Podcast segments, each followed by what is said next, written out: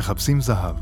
זיו רביץ ואודי אביטל מדברים על שנה ראשונה בטיפול יונגיאני באלף השלישי. במהלך הפודקאסט אודי ואני מדברים על החוויה של טיפול שמכוון להתפתחות אישית רוחנית בכלל, ובגישה של קרל גוסטב יונג, הגישה היונגיאנית בפרט. אנחנו מציגים מושגים כלליים ויונגיאנים ומדברים עליהם. במהלך הפגישות אנחנו עוקבים אחרי פרקים של ספר שנקרא Looking for Gold, ודרכו אנחנו מלווים את סוזן בשנת הטיפול הראשונה שלה. בסוף כל פרק אנחנו שואלים שאלות על האופן שבו מתנהל הטיפול, ולפעמים אנחנו גם עונים עליהן. תהנו.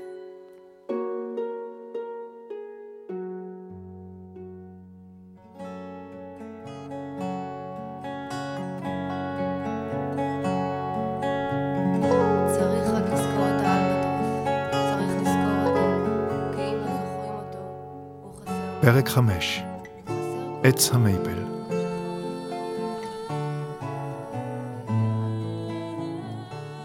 עד כה ליווינו את סוזן בתקופה הראשונה של הטיפול. בתקופה הזו נבנו היחסים העמוקים שבין מטפל למטופל. במקרה של סוזן, היא מתמסרת באופן מאוד עמוק לדמותו של קלר ונותנת לדמותו להנחות אותה. מפה הדלת ללא מודע נפתחה, והיא לומדת לקבל את ההנחיות שבאות ישירות מן הלא מודע למודע. בשלב הזה אנחנו נפרדים מן הטיפול הפסיכולוגי הקלאסי, שכמוהו אפשר לחוות גם בגישות פסיכולוגיות אחרות. מכאן אנחנו נכנסים עמוק יותר למעבה היער.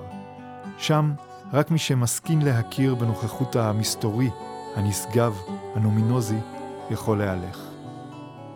מכאן ואילך נסתובב בעיקר בתוך תהליך האינדיבידואציה, או בכמיהה להתאחד עם הסלף, שהיא ייחודית לעולם המיסטי בכלל ולטיפול היונגיאני בפרט.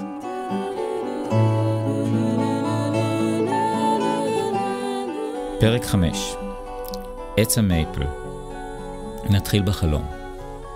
זה סתיו. אני הולכת בין העצים עם חברה שהיא גם אה, סופרת. אנחנו הולכות ליד בריכת מים קטנה. המראה יפה, קרני השמש חודרים בין העצים. והשלכת צהובה. אנחנו הולכות לקרחת יער ליד הבריכה. ואז אני מחליטה לנטוע עץ. אני נושאת שתיל עץ מייפל בזרועותיי. העץ בערך בגובה של שני מטר, ויש עליו עדיין עלים צהובים, והשורשים משתלשלים למטה בחופשיות. אני נוטעת אותו באדמה הלכה, והשורשים נכנסים לאדמה בקלות וללא מאמץ. אני מציעה לחברתי לנטוע גם עץ, אם היא רוצה. היא מסכימה. אני אומרת לה לקחת סוג אחר של עץ ולנטוע אותו באופן דומה. ואז אני אומרת לה שכאשר נשוב בשנה הבאה, קרחת היער תתמלא. 20 בנובמבר 1991. זה חלומות יפים. נכון. אה, אולי גם אה, אתה ואולי המאזינים שלנו מתחילים לאט לאט להכיר את סוזן ואת האופן שבו היא כותבת את הספר ואולי גם חושבת ובשלב הראשון היא מנסה להסביר לעצמה את החלומות ולעשות את העבודה בעצמה ככל יכולתה. אבל בדרך כלל מאוד קשה לפרש לעצמנו את החלום, מכיוון שמי שבעצם עושה את המאמץ הזה להבין את החלום הוא החלק המודע, אה, החלק הער, ולכן הוא משתמש בכלים שהוא מכיר אה, כדי לפתור את החלום. אבל כמו שאנחנו דיברנו כבר, החלום הוא בעצם מגיע מהלא מודע, והלא מודע מדבר בחלום בשפה שהיא מתווכת את, את תכניו למודע. והלא מודע בחלום מוסר את הדברים שחיוניים לו ש... להעביר למודע כדי לגרום לתהליך של התפתחות ושינוי. ולכן, אה, בדרך כלל, התוכן של החלום יפתיע או יחווה כזר לחולם ברגע שאנחנו נדבר עליו ונעבוד עליו. אפילו אני יכול להגיד שזה כמעט כלל. אם, אם, אם אנחנו מדברים עם מישהו על החלום שלו, והוא מרגיש שבעצם זה לא עושה לו שום דבר חדש, אז כנראה שלא הגענו למהות העמוקה של החלום. כאשר אנחנו מספרים חלום למישהו אחר, ובמיוחד אם המישהו הזה יודע לעבוד עם חלומות, הוא, הוא יודע לחפש את הדברים שהמודעות שלנו אה, לא רואה אותם, שאנחנו עיוורים, שהיא עיוורת, אל, אה, עיוורת אליהם, ויודע לנסות אה, איך לחשוף אותם למודע שלנו. ולכן, כשסוזן מתחילה בהתחלה להסביר את החלום, היא מסבירה אותו ממה שמוכר לה, ו, ו, ומה שהיא מתייחסת אליו זה לקומפלקס העיקרי שמעסיק אותה. וכמו שאנחנו ראינו בפרקים הקודמים, מה שמעסיק את סוזן זה היכולת שלה לכתוב, היצירתיות שלה, וקבוצות אנשים שהיא מנחה לכתיבה. הקונטקסט שמעסיק את המודע שלה, מעסיק אותה במודע. נכון. שאר הדברים שאפילו אה, גם אתה חווית וחשת, שכנראה מאוד מאוד מעסיקים אותה, המודע שלה בשלב הזה עדיין לא ער לזה. אלא הוא אה, חווה כאילו, ש... הוא, הוא, הוא, כאילו שהם לא נוכחים. למרות שכל מי שכנראה אה, שומע את החלומות או, או את השיחה, או אפילו מנסה להיכנס לראש של קלר, יכול לחוש שהוא לא מתייחס, והרבה פעמים לא מתייחס ספציפית למה שמטריד את סוזן, למרות שהוא לא נאבק בזה. אחר כך, אה, גם כשסוזן אה, ממשיכה לכתוב, היא לאט לאט נוגעת בשכבות יותר אה, רגישות ועמוקות בנפשה. למשל, היא נזכרת בקשר העמוק שיש לה עם עצים עוד מילדותה. היא מספרת על עץ אהוב במיוחד שהייתה מטפסת עליו, ושם הייתה חולמת, מתחבאת כאשר הרגישה עצובה ורצתה להתבודד. היא גם נזכרת במיתוס על נרקיס. המיתוס על נרקיס הוא על מיתוס על אלם שהיה יפה במיוחד, וכל מי שראה אותו התאהב בו, אבל הוא עצמו לא יכול היה לאהוב אף אחד או אף אחת. עד שיום אחד הוא הביט בבוע, בבואתו הנשקפת באגם והתאהב בעצמו. בדרך כלל מייחסים למיתוס הזה, ובמיוחד לדמות uh, של נרקיס, uh, התייחסות שלילית כביטוי להפרעה שמישהו, למישהו שעשו כל הזמן ב, ב, בעצמו. אה, אבל במיתוס הזה, נרקיס גם מדבר עם העצים, והוא מבטא מולם את כאבו שאיננו יכול להשיג את מבוקשו. וסוזן מתחברת לרעיון הזה במיתוס, שה, שהדיבור עם עצים או עם הטבע בכלל מחבר אותנו לנשמה שלנו. Uh, היכולת להתחבר לטבע ולדבר איתו מרככת את ה...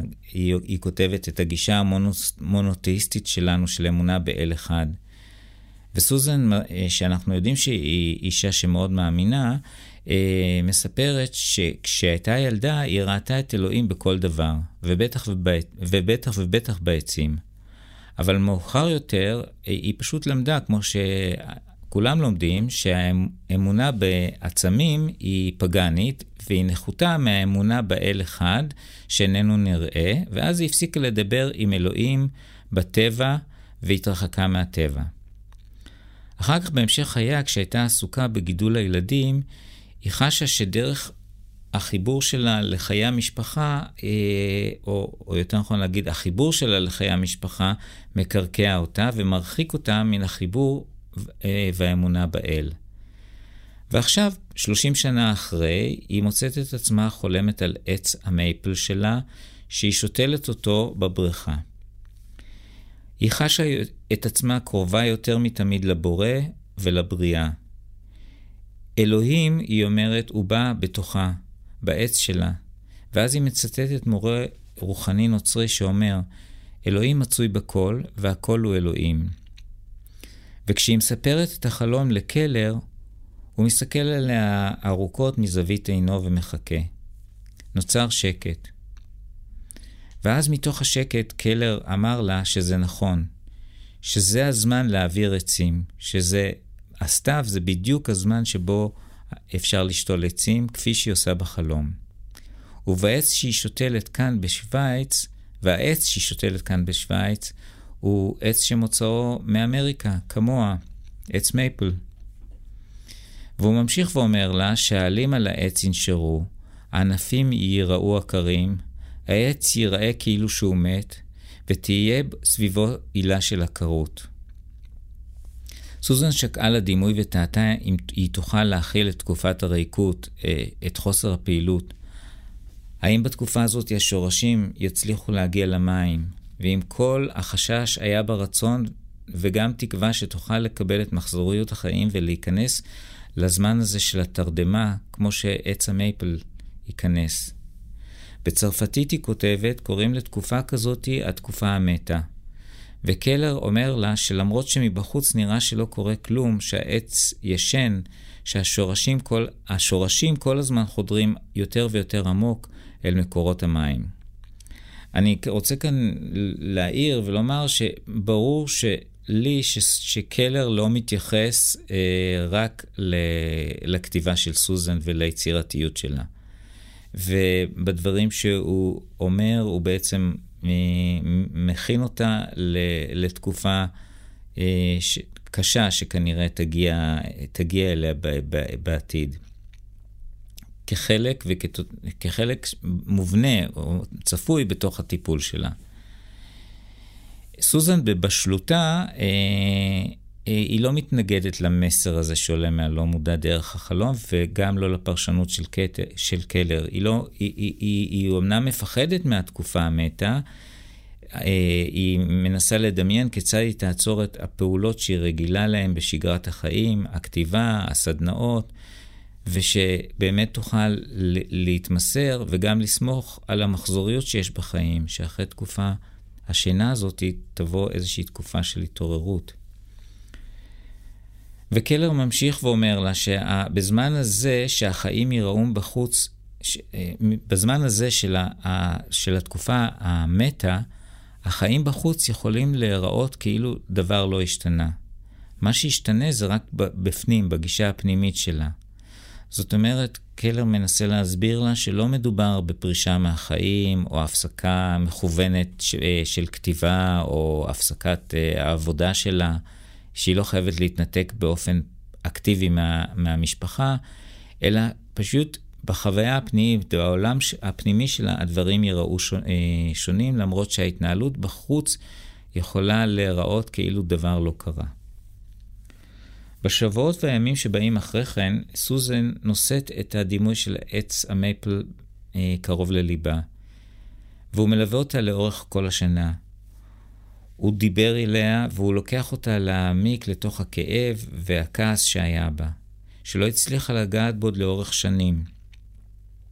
היא כותבת שכאשר עזבתי את אמריקה ועברתי לחיות בצרפת, החיים לא תמיד היו קלים. לפעמים חשתי בודדה ומתוחה. היא גם אומרת שהיא הרגישה שהיא איבדה את השפה הפנימית שלה, את הזרימה הספונטנית של המילים, כמו שהם מרגישים לפעמים בזמן שבין ערות לשינה, שבהם הדיבו, באי, הדימו, הדימויים באים במילים הפנימיות שלנו, בשפה הפנימית שלנו. סוזן בעצם מתארת מצב של תקיעות, קיפאון, איזושהי חסימה אנרגטית, והיא מייחסת אותה למעבר ממדינה אחת למדינה שנייה. אה, הגירה זה דבר לא פשוט בכלל, אה, אבל התחושה ש... שנוצרת בי היא שהיא מדברת על משהו עמוק יותר, שאו שהיא בוחרת לא לספר אותו בספר, או שהיא עדיין לא מודעת אליו בשלב הזה של הטיפול. והיא ממשיכה ואומרת שהיא חשה שהיא איבדה את הזהות הפנימית שלה. היא כותבת שהיא לא הייתה אמריקאית ולא הייתה צרפתית. צרפתייה, כן. אמ, אני רוצה רגע להתעכב ולומר שהפרק הזה, בהרגשה שלי, מסיים את, הש... את התקופה הראשונה של הטיפול של סוזן. אה, שזה בעצם תקופה ראשונה בכל טיפול. בתקופה הזאת בעיקר נבנים היחסים העמוקים שבין המטפל למטופל.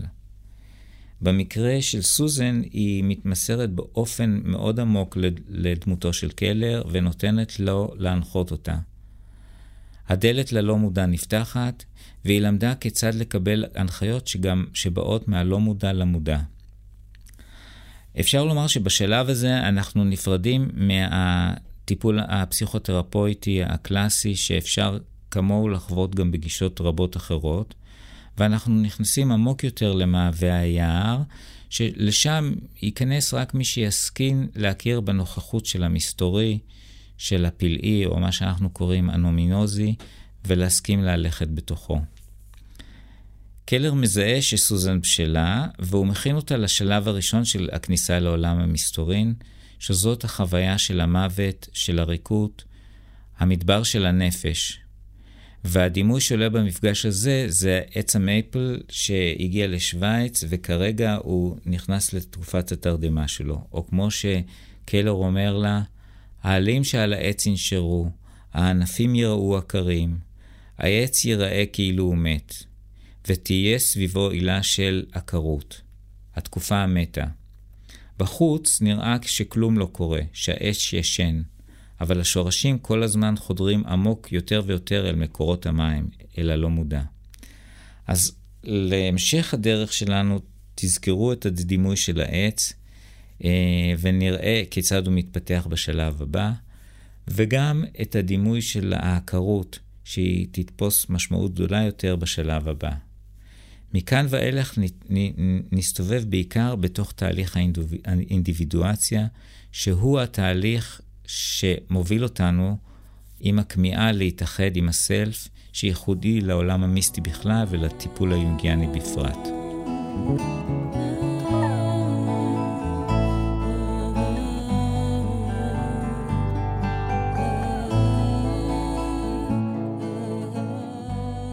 כן, זה באמת מורגש מאוד שיש פה איזושהי, כאילו מין, מין, במוזיקה קוראים לזה טרנספוזיציה, אנחנו כאילו עוברים סולם. משהו מיד בחלום הזה נשמע אחרת לגמרי, והוא ממש כבר... אה,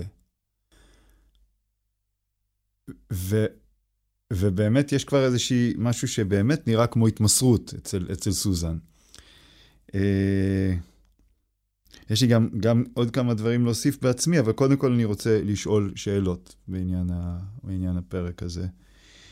קודם כל, יש משהו שהוא טיפה פרדוקסלי, וזה בעצם משהו שאני לא חושב שיש תשובה, כי עוד פעם, התשובה היא, לא, התשובה היא בדיוק במקום שאליו אני שואל. אה, מישהו מביא חלום, אתה כבר יודע את הסמלים של החלום, אתה כמטפל ותיק, שכבר ראה חלומות, שלמד יונג, יודע כבר את הסמלים ואת מה ש... וזו שאלה שאני נתקל בה בעצמי הרבה. איפה עובר גבול ההתערבות? כלומר, אתה לא... אה, אני יודע ש... עוד פעם, אני יודע שאתה לא תגיד לי, הנה פה, אבל, אבל בכל זאת, לקחת, לקבל את התחושה, את האנרגיה של... יש הרבה חלומות שאתה שומע ואתה מיד יודע את הפירוש שלהם הרי. אבל זה יהיה מאוד לא נכון להגיד למטופל את הפירוש שלהם, כי בעצם הכנסת כמו, לא נתת לו לעבוד מול עצמו, הוא לא מבין כלום מזה. מצד שני, אתה כן רוצה, כדי לקדם את הטיפול, להביא את הפירוש שלך, את הפירוש שאתה... יותר נכון, המילה פירוש היא לא כל כך נכונה, את, ה, את מה שאתה רואה, משהו, מה שהנפש שלו מביאה. ההחלטות שלך כמטפל הן אינטואיטיביות לגמרי, או שיש איזושהי נקודה מסוימת שבה אתה אומר, כאן אני מתערב כי זה תקוע, או כאן אני לא מתערב כי פשוט ייקח רגע ואז הוא יעלה על זה לבד. השאלה שלי מספיק אה, ברורה? מאוד מאוד ברורה. אתה מביא שאלות שאני חושב שמעסיקות אה, מטפלים בכלל ומטפלים בתחילת הדרך בפרט. אה, אז אני יכול להגיד שיש כלל אצבע שאפשר להשתמש בו, זה שאם יש, יש ספק אם להתערב או לא להתערב, אז עדיף לא להתערב. מכיוון שמי שמנחה ועושה את התהליך הטיפולי זה לא אף אחד מאיתנו, לא המטופל, נגיד סוזן מאוד מאוד מתאמצת ל, אה, ל, ל, לעבוד, ולא המטפל, אלא הסלף, או, או הלא מודע, ו, ואפשר מאוד להתמסר ולסמוך שברמה הזאת, מה, ברגע שמאפשרים, הדברים מתרחשים. באיזשהו אופן, כמו, כמו הדימוי הזה של העץ. העץ, לכאורה נראה ששום דבר לא זז, אבל בזמן הזה מתרחש בלא מודע תהליך מאוד מאוד חיוני שבו השורשים הולכים ומעמיקים, כדי שבאיזשהו רגע תוכל לבוא גם הפריצה בחוץ. אז באמת, כלל אצבע, אם יש, אם יש ספק, אז אנחנו לא מתערבים. אני יכול לומר שאני גם שואף עד כמה שניתן לאפשר למטופל לעשות את התהליך ולהביא את הדברים מעצמו, גם אם נדרשת ממני סבלנות רבה מאוד. גם אם לפעמים, אה, ואני לא יודע אם כבר הגענו לזה או נגיע לזה, אה, כבר בחלום הראשון שמגיע לטיפול, הרבה פעמים הכל מקופל בו, ולפעמים, לפעמים, זה, זה לא אה, תמיד, מיד אתה יודע מה הולך להיות ב- לאורך הטיפול. כמובן שזה לא תמיד צודק, אבל בוא, ישנם זמנים שזה, שזה אכן כך קורה, ויחד עם זה, אני לעולם לא אגיד את מה שראיתי. בטח ובטח לא בתחילת הטיפול, כי לא יהיה טיפול. יעברו עוד הרבה חודשים עד שאפשר בכלל יהיה להתחיל להביא את הדברים.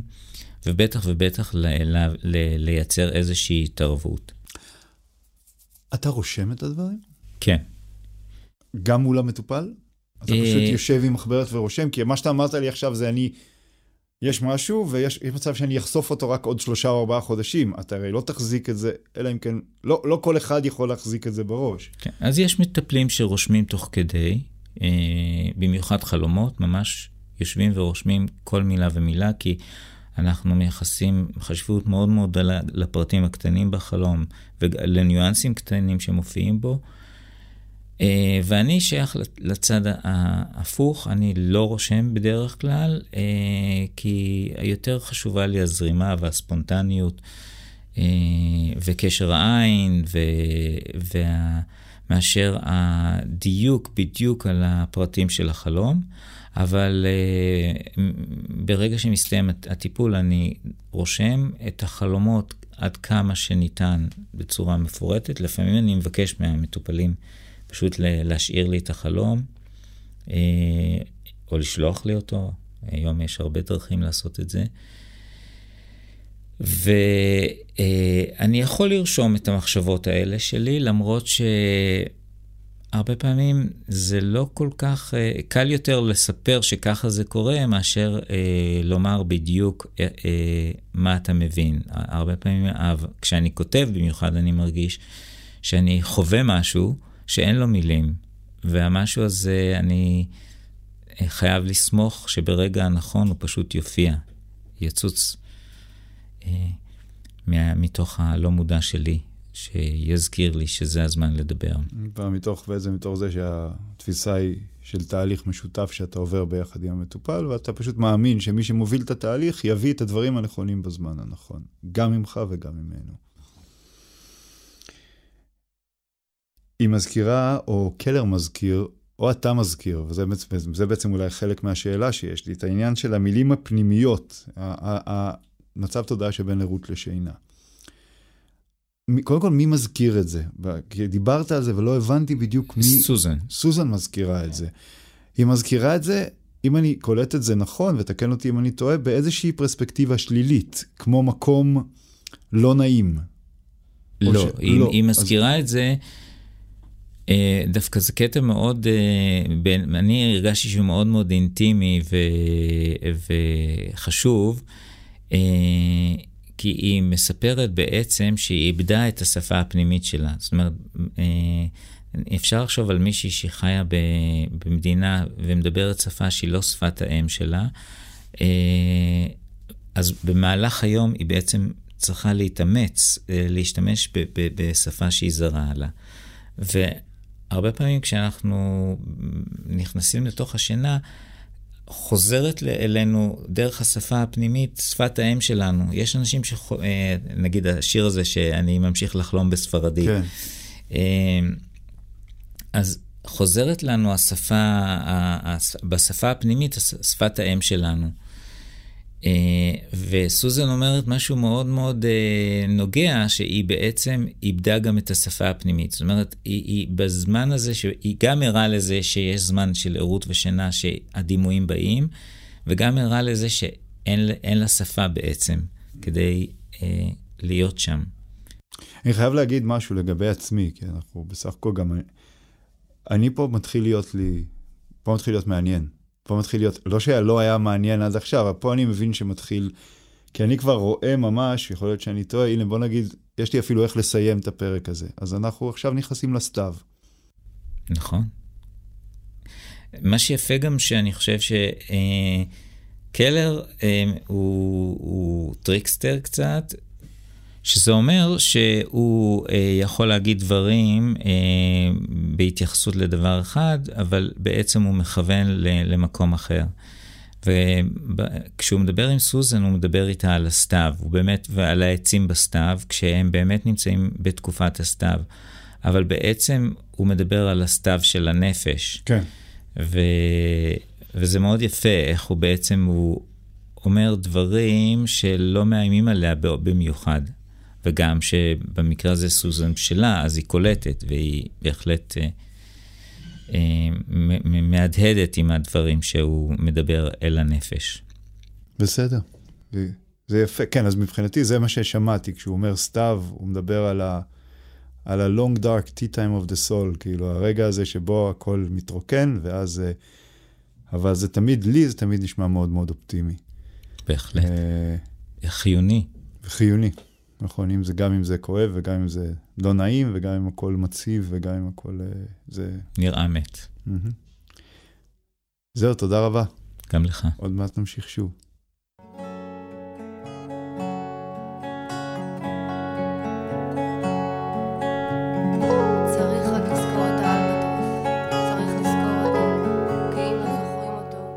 אנחנו מזמינים אתכם להירשם, לעקוב אחרי עדכונים של הפודקאסט שלנו, כדי לדעת על פרקים חדשים כשהם עולים לאוויר. בנוסף, אפשר להגיב ולשלוח שאלות בעמוד הפייסבוק שלנו, שנקרא מחפשים זהב, ואנחנו מבטיחים להגיב.